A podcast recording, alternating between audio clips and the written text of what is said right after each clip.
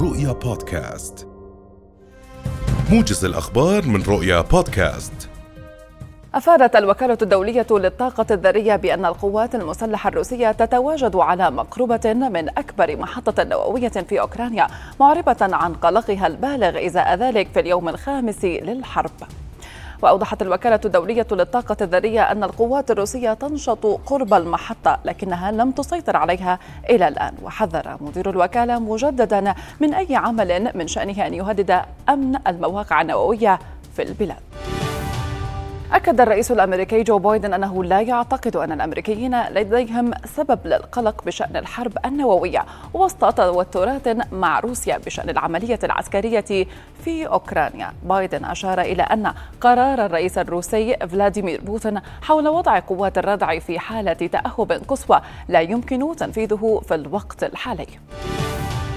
أكدت المتحدثة باسم البيت الأبيض أن واشنطن تعتقد أن الجيش الروسي يسعى جاهدا للاستيلاء على كييف ويحقق تقدما في هذه المهمة.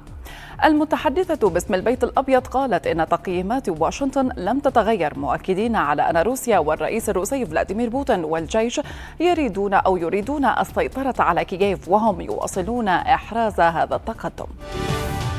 أظهرت صور التقطتها أقمار اصطناعية في أوكرانيا. رتلا عسكريا روسيا هائلا. يزيد طوله عن 60 كيلومتر يتقدم باتجاه العاصمة كييف التي جعلتها روسيا هدفا رئيسيا للعملية العسكرية التي تشنها ضد أوكرانيا. ونشرت هذه أو نشرت هذه الصور مساء أمس أو نشرتها الشركة الأمريكية المتخصصة بالتصوير بواسطة الأقمار الاصطناعية وأرفقتها برسالة بريدية قالت فيها إن الرتل يمتد إلى حوالي 60 كيلومتر مربع. أكدت وزارة النقل الكندية قيام شركة طيران روسية بانتهاك المجال الجوي الكندي رغم إعلان كندا غلق مجالها الجوي أمام الطائرات الروسية. وزارة النقل قالت إنها ستطلب مراجعة لسلوك الشركة ومزود خدمة للحركة الجوية الكندية بعد انتهاك الحظر مؤكدة أن كندا لن تتردد في اتخاذ إجراءات مناسبة وغيرها من التدابير لمنع الانتهاكات في المستقبل. انضمت اليابان إلى الولايات المتحدة وحلفاء آخرين في فرض عقوبات إضافية على روسيا وهو ما شمل تجميد أصول لقيادات في البلاد وثلاث أو ثلاث مؤسسات مالية. وبالإضافة إلى الأصول الخاصة بستة أفراد منهم الرئيس فلاديمير بوتين ووزير الخارجية سيرجي لافروف. ستجمد اليابان عدة بنوك روسية بالإضافة إلى البنك المركزي للبلاد. وقالت الحكومة اليابانية إنها ستحظر أيضا الصادرات إلى 49 كيانا روسيا في إطار العقوبات المفروضة على موسكو.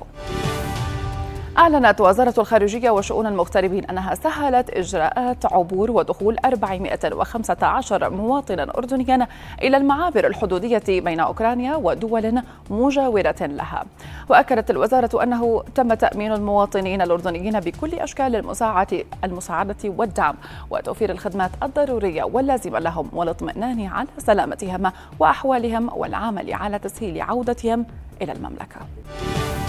كشفت المؤسسة العامة للضمان الاجتماعي أن عدد المتقاعدين الجدد لشهر كانون الثاني 2022 وصل إلى 1024 متقاعدا بالمقارنة مع 1039 متقاعدا لنفس الشهر من العام 2021 أي بانخفاض بلغت نسبته حوالي 47 في المئة. وبينت المؤسسة أن أعداد المؤمن عليهن اللاتي استفدن من تأمين الأمومة في كانون الثاني لعام 2022 قد وصل إلى 580 مؤمن عليها. وبمبلغ إجمالي وصل إلى 612 ألف دينار. أعلنت وزارة التربية والتعليم أنها قامت بإيداع المستحقات المالية للمعلمين المشاركين بالمراقبة في امتحان الثانوية العامة في البنوك وكذلك المشاركين في عملية التصحيح. ودعت الوزارة المعلمين المشاركين للتواصل مع فروعهم البنكية للاستفسار عن موعد الصرف مثمنة جهود جميع العاملين في امتحان الثانوية العامة لدورهم البارز في إنجاحه